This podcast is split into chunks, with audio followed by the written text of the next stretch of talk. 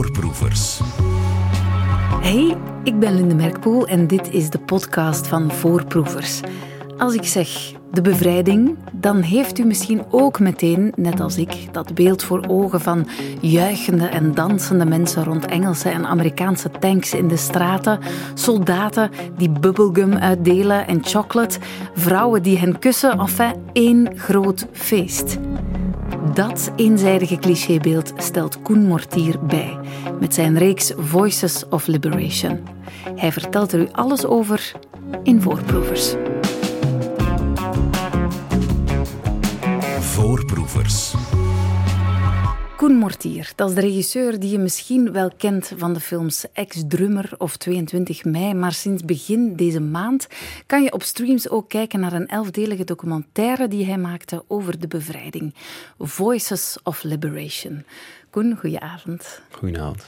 Met een naam als de jouwe, Mortier, ja, jij moest, jij moest gewoon ooit iets maken met de oorlog. Ja, Ben ik de eerste die dat opmerkt? eh, eigenlijk wel, ja. Ja, ja. Nu ja, ik moest, ik moest eigenlijk niet veel. Het is gewoon op mijn schoot gekomen en eh, ik dacht van ja, dacht eigenlijk totaal niet dat ik het zou willen doen. Eh, zijn, er is eigenlijk een, eh, een Nederlands distributeur, Dutch Filmworks, eh die afgekomen naar Ruredis. Mijn vrouw, ook mijn manager en bedrijfsleider is van ons bedrijf. Met de vraag van ja, zou, eh, zou jullie iets zitten om een documentaire te maken over de bevrijding? En eh, als we geïnteresseerd waren om te pitchen, ja of nee. En ik zei van nee, ik ga dat echt niet doen. Echt? Ik dat weet- stond niet op jouw bucketlist. Ik weet daar niks van. Ik weet er veel te weinig van. En dan zei ze, je gaat dat doen. Je gaat erop pitchen, je gaat een goed idee bedenken en gaat dat doen. Ja, ze is nogal vrij rechtdoor daarin, dat is wel grappig. Alright. En ehm, ja, daar ben ik er beginnen over nadenken. En, en al snel kwam ik eigenlijk eh, ja, voor mijn eigen zo in, in de situatie van, ja, oké, waarom zou ik dat willen zien? Er is al zoveel gemaakt, zoals je zelf zei. Ja, En, al ehm, heel veel gemaakt over de ja, oorlog. Het lijkt mij redelijk intimiderend dan ook om aan Eh, zo'n idee te beginnen Ja, wel eigenlijk niet. Want ik wist zodanig weinig ervan dat de, dat de intimidatie geen plaats kreeg. En ehm, ik, heb, eh, ja, ik heb vier kinderen, eh, twintigers, tieners. En ik dacht van ja, die weten eigenlijk niet veel van die oorlog. En wat zou kunnen maken dat zij dat willen zien? Zo, iets over die bevrijding. En dan dacht ik van ja, is de link tussen mijn twintigers en de soldaten? Ja, dan het dezelfde leeftijd zijn uiteraard. Dus wou ik iets maken waar die soldaten een stem hadden. En die stem, dat waren brieven. Omdat ze toen, toen ze die brieven schreven allemaal, dat waren ze al rond de 20 jaar, eh, 20, 30. En daardoor dacht ik van ja, dat gaat dan die stem van die jongens teruggeven en gaan misschien jongeren die stem herkennen op een andere manier. En dan het tweede idee was, eh, ik wou absoluut met iemand werken die presenteerde, maar niet op een stoel zittende. Maar wel zo naar de plaatsen ging waar het allemaal gebeurd was. En eh, die persoon die die eigenlijk die host, zoals ik- dat is dan ook genoemd wordt, eh, die wou ik dan ook dat die eh, eigenlijk een echte link had met de oorlog en liefst met de aflevering zelf. Ja, En zodoende ben ik beginnen zoeken en of heb ik ben beginnen opschrijven en zo en is dat dan voorgesteld als idee en dan, dan zag Willem Pruisens van Dutch Filmworks dat zitten. amai. En ineens maakte jij een documentaire over een onderwerp dat jou in eerste instantie misschien niet echt iets zei. Wat, het zei me wel iets, maar ik wist er eigenlijk niet veel over. En dan denk je van, oké, hoe gaan we dat aanpakken? Dan ga je contacteren geschiedschrijvers, echte mensen eh, die dus alleen maar met dat bezig geweest zijn. Maar van elk land één sowieso. En van elk, elke plek ook een tegenland. Namelijk, eh, als je over Engeland hebt, moet je het ook over Duitsland hebben. Ja, Als je het over Frankrijk hebt, moet het ook over Duitsland gaan. Dus heb ik altijd een Duitse geschiedschrijver erbij gehad, die ook eh, zijn ding moest aanvullen. Om eigenlijk die, die gelijkheid zo wat te creëren. ja. En dan die hosts zoeken. Hè? Die hosts die eigenlijk ehm, ja, de gidsen zijn doorheen jouw reeks. Elke aflevering wacht je eigenlijk iemand nieuw op, eh, die dus ook een persoonlijke link heeft met die oorlog, met die bevrijding ook vaak. Bekendste hosts eh, zijn waarschijnlijk voor ons eh, Thomas Brody Sangster. Eh, ik kende hem nog als het klein drummerke uit Love Actually, maar ondertussen The Lord of the Rings, geloof ik. Hè? Ja. En, en Bart Peters is de host in België geworden. Waren die allemaal meteen enthousiast toen jij met je idee kwam? Goh, dat, ja, dat, vlie, dat, dat verliep eigenlijk vrij vlot. Het moeilijkste was eigenlijk uh, een host vinden, toekoer. Want hoe vind je die? Ja, je moet het in maar Thomas, weten in dat Thomas die linker is. zijn geval hadden we geluk, omdat eigenlijk uh, Andy Saunders, die de Engelse geschiedkundige was, dat is een persoonlijke kennis van de moeder van Thomas. En die zei, goh, ik denk dat, dat Thomas dat echt zoals je zit, nu dat jij dat ziet en zo, uh, die gaat dat willen aan meedoen. Ik zei, ja, dat kan niet. Hij had net de Queen Gambit achter de rug. Ja, ook al, ja. Dus uh, die was op dat moment heel druk bezet en heel, uh, ja, heel bekend aan het ja, worden. Met hem heb je echt een, een Hollywoodster Ja. in en we jouw hadden reeks. ook hè? geen budget voor een Hollywoodster in te huren, totaal niet zelf.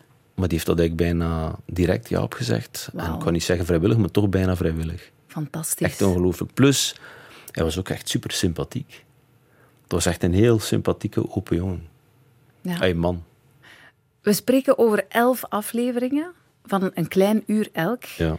Die reeks moet een titanenwerk geweest zijn voor jou. ja, ik was niet alleen. Hè. Ik had de geschiedschrijvers die eigenlijk uh, zowat het uh, schetsten wat er op dat moment gebeurd is, geschiedkundig. Dan had ik uh, dan ook een redactieteam, geleid door Wannes Peremans. die eigenlijk, ja, wij deden niet anders dan boeken zoeken, boeken lezen, brieven zoeken. Dus van alles door elkaar zoeken. En ik moest dat dan proberen in een aflevering te schrijven. En ik dacht van ja, ik ga daar een jaar voor nemen. Maar de eerste aflevering, dat was echt moeizaam. Ik dacht, oh my god, ik raak er nooit. Ik was denk ik twee maanden bezig en dat ik nog op niks. Ik dacht, oké, ik, ben in, zit in de problemen. Maar een keer dat die eerste worp eruit was, ging plots alles veel vlotter. Omdat ik dan mijn sleutel gevonden had, hoe dat ik het wou vertellen. Ik wou ook iets heel visueel maken, dus het visuele kreeg heel veel plaats uh, van mij. Ik ben ook alles gaan bekijken en met een gids elke locaties gaan bekijken. En dat hielp dat schrijven wel enorm vooruit. En daardoor ja, kom je plots in een, in versnelling. En inderdaad, ik denk dat het een jaar en een maand ongeveer was als het klaar uit, als het geschreven was. Voorproevers. Heb mij laten vertellen dat het tijdens de lockdown was dat regisseur Koen Mortier dacht, te Dieu, ik heb hier een project nodig dat mij uit mijn kot haalt. En toen was er die Voices of Liberation. Klopt het een beetje? Ja en nee. Uh, ik heb eigenlijk als lockdown zelf was, heb ik eigenlijk alleen maar geschreven. Mm -hmm. Maar uh, we zijn wel in de eerste aflevering gaan draaien. Dat was aflevering 8 uh, in Gruchtenwald. En toen was eigenlijk alles afgesloten. Dus de hotels waren leeg. Ik heb een paar in een hotel gezeten dat ik de code kreeg van het hotel zelf. En er was niemand.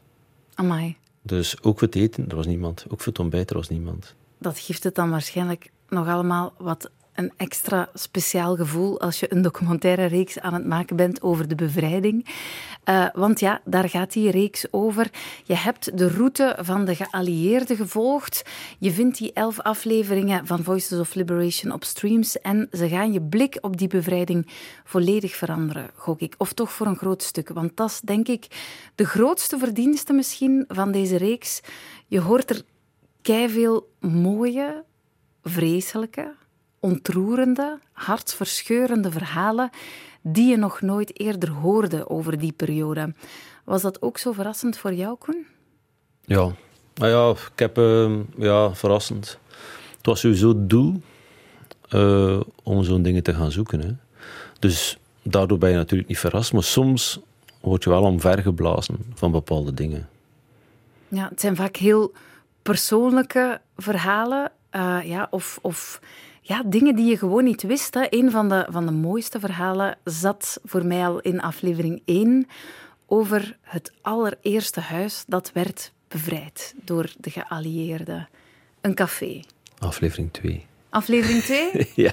Aflevering 2. Aflevering Ja, het café van uh, familie Gondré. Uh, ja, dat is een heel... heel dat is natuurlijk een, be een berucht en bekend café. Uh, dat ligt aan de Pegasusbridge. De, het is eigenlijk de, de brug die het eerste bevrijd is ook. En ik ben daar naartoe geweest. En ja, dat is eigenlijk een soort van museum toeristentrap-achtige plaats geworden. Maar de eigenares is eigenlijk een heel oude vrouw. En die was kind toen, toen ze bevrijd werden. Dus die heeft dat allemaal van, als klein kind van een jaar of drie, denk ik, meegemaakt. Maar toch... En uh, ja, zij vertelde mij van alles over wat er gebeurd was. En uh, Ja, wat gebeurde daar Ja, toen dus, de eh, geallieerden daar aankwamen? Dus ja, je moet rekenen dat eigenlijk... ehm, ze zijn daar aangekomen, er is natuurlijk gevochten geweest, ook gewonden. Ze moesten een plek hebben om die gewonden te leggen. Dus zijn ze gewoon eh, naar dat café gelopen, gestapt, aangeklopt, is open gedaan. En die vrouw was toevallig, eh, de moeder eh, van die vrouw is een verpleegster. Dus, eh, en zij heeft dan ja, die soldaten verpleegd. En de eigenaar, meneer Gondré, was zo blij dat hij direct in, in de tuin begon te graven. Want daar had hij al zijn flessen champagne verstopt voor de Duitsers. En hebben ze daar wat flessen opengetrokken. En het leuke ook was, Major Howard was eigenlijk de leider van, van die actie. En, en die heeft dat ook in zijn brief beschreven. Dat is ook leuk, omdat eigenlijk de serie is gebaseerd op feiten, maar ook op brieven. Dat die twee soms samenkomen, is eigenlijk een, een win-win situatie Ja, ja, voor ja. het ja. project. Ja, en inderdaad, dan hoor, je, dan hoor je die man vertellen in zijn brief naar huis van we vonden dat nu niet super ambetant. Ja. Dat die caféhouder daar al zijn flessen champagne opgroef. Het werd daar eigenlijk nog best gezellig. Maar niet alle brieven spreken van zo'n mooie verhalen. Een van de ongelooflijkste en hartverscheurendste brieven stond op een zakdoek. Inderdaad.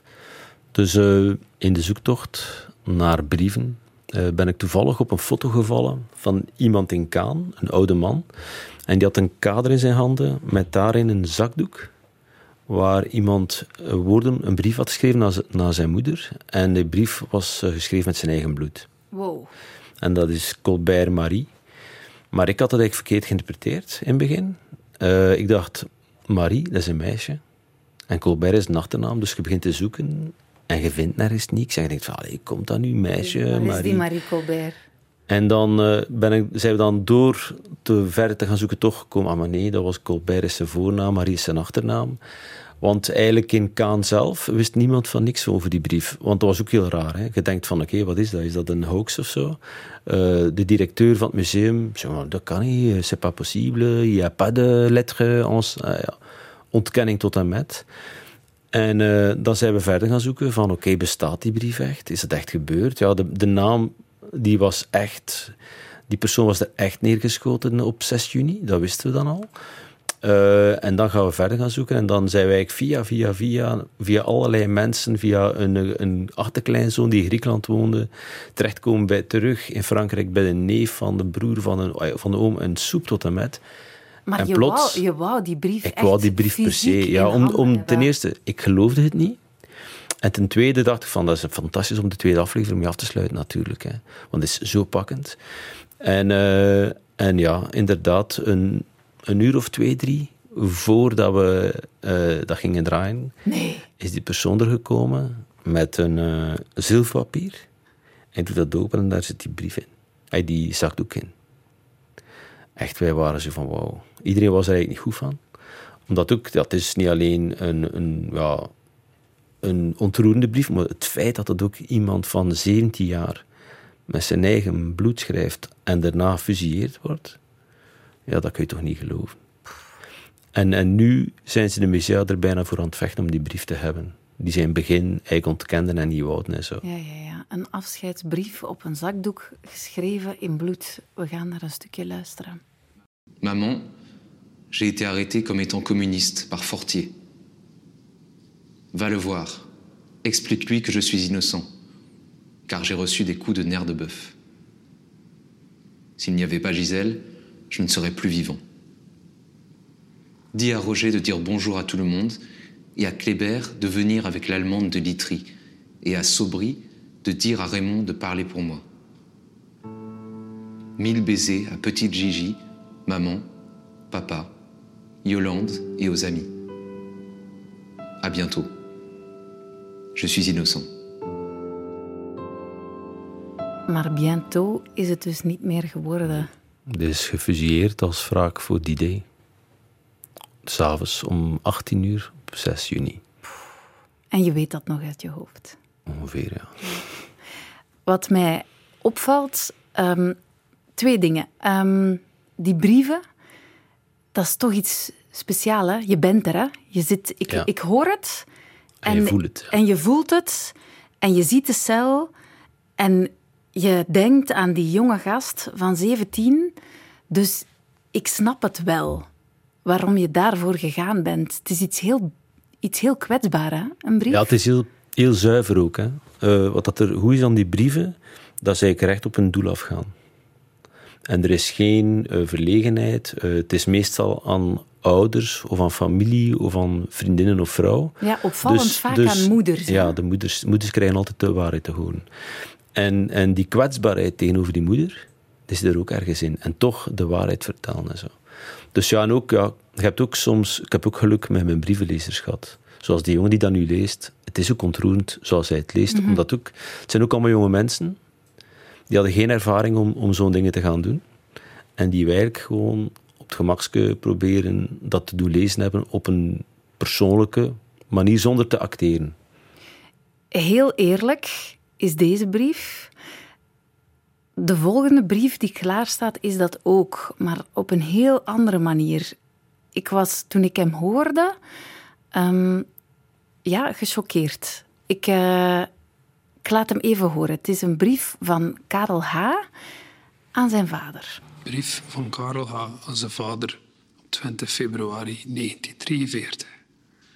Lang duurde zijn spel niet. Een MP-lader is zijn domme kop en daar lag hij. Enige tijd later waren de rusten met hoge verlusten afgeslagen. Papske, dat had je moeten zien, ze lagen er met opies.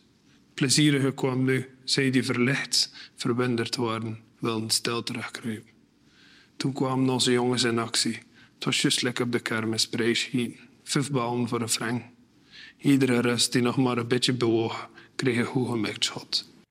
Dat is heel rauw, hè? De brief van een soldaat die er middenin zit. Ja, van een oostfronter, hè? Ja. Dat is heftig, hè? Ook uh, de luchtigheid waarin de brief geschreven is, waarop de brief geschreven is, staat in, in schril contrast met de getuigenissen die ze later gaven. Waarom dat ze naar het Oostfront gingen.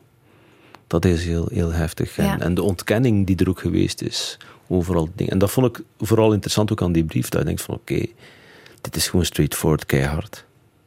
Ja, de totale ontmenselijking ook. Hè. En ook, ja, je, je, hoort bijna pret in, zijn, in zijn woorden. Ja. ja. Nee, je hoort niet bijna pret, je hoort, je hoort, je hoort pret. En dat is waanzinnig om te horen. Koen, ik wil heel graag de teamsong van jouw reeks draaien. Bright Horses van Nick Cave heb je gekozen. Heb jij dat zelf gekozen? Ja, dat was eigenlijk vanaf, uh, vanaf voor de edit. Ik heb die plaat gekocht. ik koop nog platen. Dat mag Dat is een fantastische goede plaat, is dat. En, ja, het is, het is, het is en de toen plaat ik dat nummer Cave... hoorde, dacht ik van, dat is het. Daar moet ik mee beginnen, omdat Bright Horses uh, heeft iets verlichtends, iets poëtisch, iets donker, heeft alle facetten dat eigenlijk de reeks moest hebben voor mij. Ja, een prachtig nummer dat ook een rouwlied is. Ja. Dat Nick Cave schreef voor zijn jonge zoon van 15, Arthur, die van een rots viel. Inderdaad. En stierf.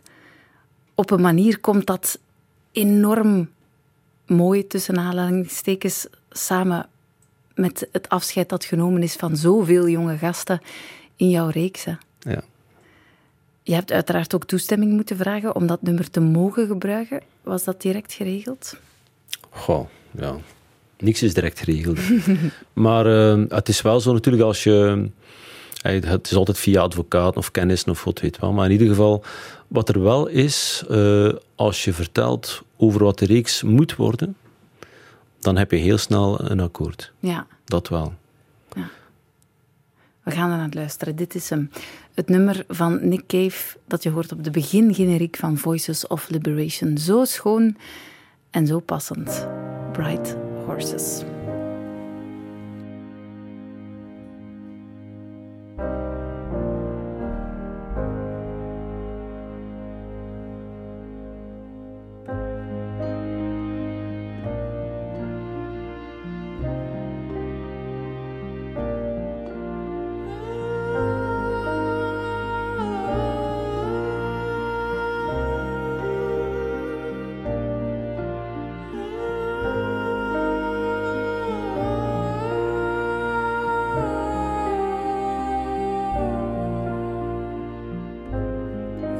Bright horses are broken free from the fields. They are horses of love, their manes full of fire. They are parting the cities, those bright burning horses. And everyone is hiding, and no one makes a sound.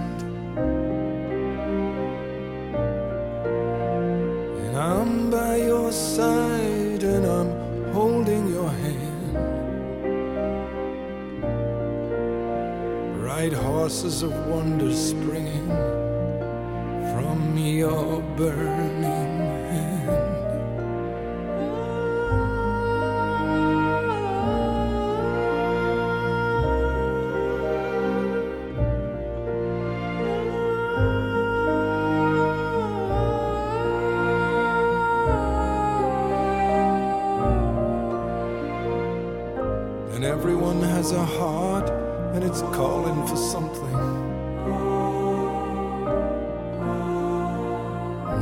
So sick and tired of seeing things as they are. The horses are just horses and their manes aren't full of fire. And the fields are just fields and there ain't no Lord. And everyone is hidden and everyone is cruel. There's no shortage of tyrants and no shortage of fools. And the little white shape dancing at the end of the hall. is just a wish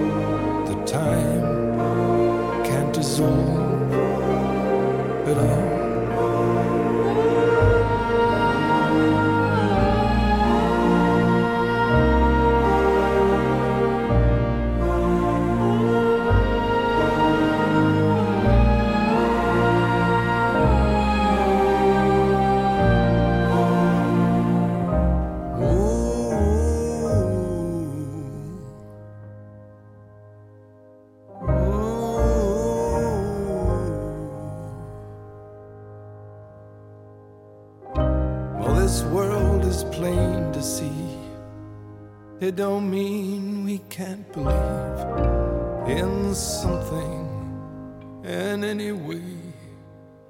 My baby's coming back now on the next train. I can hear the whistle blowing. I can hear the mighty roar. I can hear the horses prancing in the pastures of the Lord.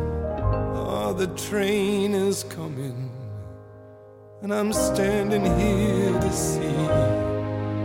And it's bringing my baby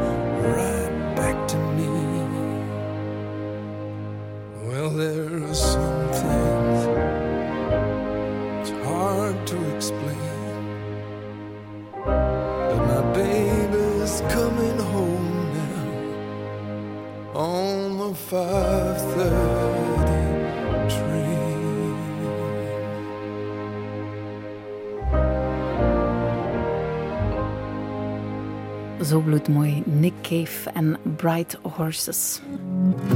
Voorproevers. Regisseur Koen Mortier volgde voor de reeks Voices of Liberation de route van de geallieerden tijdens hun bevrijding van West-Europa. De Voices uit de titel van de reeks verwijzen naar de stemmen in oorlogsbrieven die worden voorgelezen, maar er zijn ook de stemmen van elf lokale hosts of gidsen, kan ik ze ook gerust noemen, die je per aflevering meenemen. Vaak bekende gezichten met een persoonlijke oorlogslink. Wie heb je daar allemaal voor gevraagd, Koen? Oh, ik heb duizenden mensen gevraagd.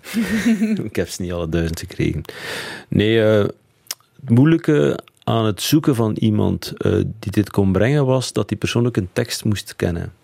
En zelfs ja, intellectuelen of, of, of acteurs, zelfs die hadden moeite om soms die tekst te brengen. Ja, in het Engels nota bene. Ja, niet, niet van iedereen de Franstaligen de hebben, hebben er twee niet in het Engels gedaan, omdat dat onmogelijk was. Boelie Lanners, uh, die zei, ouais, je parle bien anglais, pas de problème. Tout, tout. En toen hij de tekst zei, ja non, Koen, c'est impossible.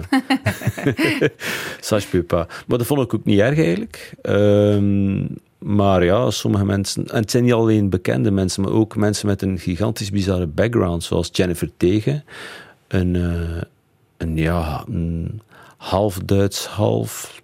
Van waar is die eigenlijk? Nigeriaanse. Nigeriaanse vrouw. Ja. Een heel groot, ze is een vrouw van twee meter. Ja. En die eigenlijk uh, de kleindochter is van Amon Gut. En Amon Gut, dat is uh, een um, ja, concentratiekampcommandant geweest. Uh, en die wordt eigenlijk in Schindler's, Schindler's List wordt die, vertolkt door, noemt hij een acteur nu weer? Goh. Ik ben slecht met namen, dat ja, mag je mij niet ik vragen. ook niet. Kijk, nogthans dacht van, ik ga het wel weten, maar ik weet het niet meer dus. Maar in ieder geval, zij heeft op haar veertigste ontdekt dat haar grootvader die kampcommandant was. Wow. Die mensen uitgeroeid heeft. En zeker zij die halfbloed is, zou uitgeroeid geweest zijn door hem. Dus dat heb je ook wel als mens. Hè. Ja, eh, ik, ik, had in Nederland uh, Geza uh, omdat hij ook een mooi verhaal had. ja, Bart Peters uiteraard, Thomas, um, dus, Julie, Julie dus trouwens, de acteur was Ralph Fiennes trouwens. Ja, Ralph Fiennes, inderdaad. inderdaad. Maar dus ja, uh, dus er is, iedereen heeft wel een, een soort van uh, vergelijk of een soort van background als host, maar niet altijd even leuk. Ja, ja want je zegt het in aflevering 5 komt die tocht van de geallieerden in België aan en daar word je als kijker opgewacht door Bart Peters. Ik wist het niet dat hij een link had met Wereldoorlog 2, maar die is er dus wel. Ja, een heel sterke. Uh, zijn opa was, zat in het verzet in Lier. Is uh, verraden door een buurman. Is dan uh, terechtgekomen hier in...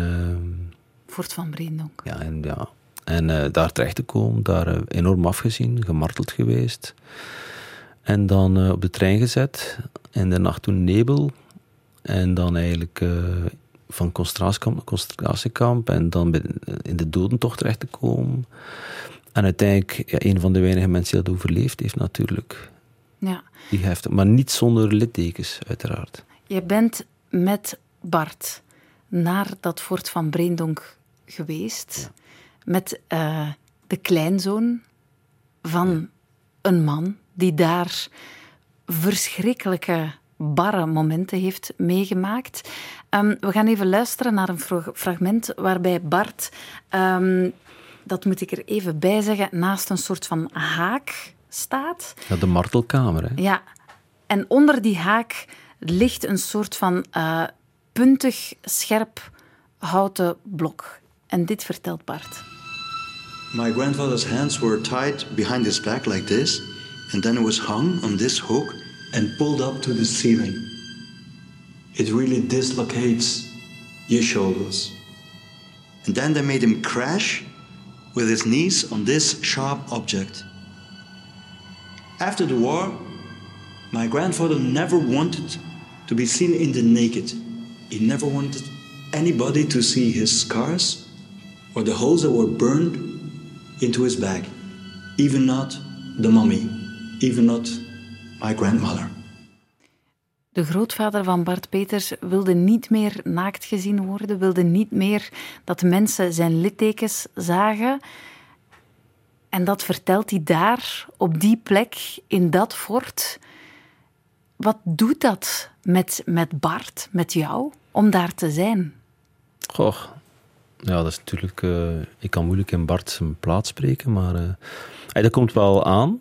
Maar op een andere manier is het ook... Uh, je moet weten het Fort van Breendonk is een van de enige plekken die nog bewaard geweest, gebleven is zoals het was, omdat het eigenlijk in handen gekomen is van de gevangenen zelf.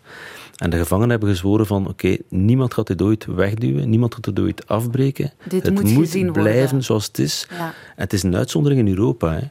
Dus op zich komt het heel hard aan allemaal. Maar het is ook de enige manier om het duidelijk te maken hoe erg het eigenlijk was.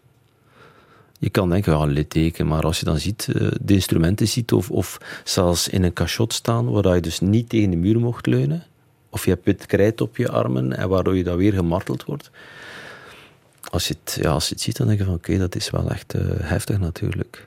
Je bent regisseur. Je kan mij dat belang van die plek dus echt goed uitleggen. Voor, voor, voor dit project ben je op heel veel plaatsen geweest, doorheen Europa. Je hebt heel die route gevolgd van die geallieerden.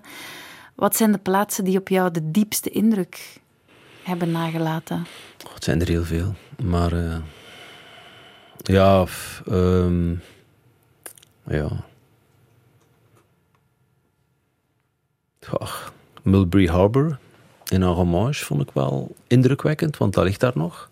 En Mulberry Harbour zijn die betonblokken uh, die ze geplaatst hebben, een gigantische halve cirkel, om eigenlijk de golven tegen te houden, om daar hun eigen haven te creëren, zodat ze de landing konden doen. En dat zijn blokken die zo groot zijn, dat je kun je niet inbeelden hoe groot het is. En als je erop staat, dan maakt gigantisch indruk, omdat je denkt van wauw, het, dat, daar hebben daar 45.000 mensen aan gewerkt om die te maken. En, en te creëren en te bedenken, allemaal uh, ingenieurs, noem maar op. En denk je van wauw, dat is echt ongelooflijk wat ze allemaal gedaan hebben om eigenlijk Europa te gaan bevrijden. Je hebt dan ook, uh, ja, uiteraard de concentratiekampen waar je eigenlijk ongemakkelijk van wordt. Je hebt dan ook uh, bunkers. Uh, alles maakt een soort van indruk op zijn manier. Ik denk, ja, eigenlijk, ik ben in een van de concentratiekampen, was er eigenlijk een plek nagebouwd, moet ik wel zeggen. dat was in, niet in Dachau, maar in het andere. Een plek nagebouwd waar de Russen, hoe dat de Russen afgemaakt werden. En dat was eigenlijk precies een, eh, een medisch onderzoekplek.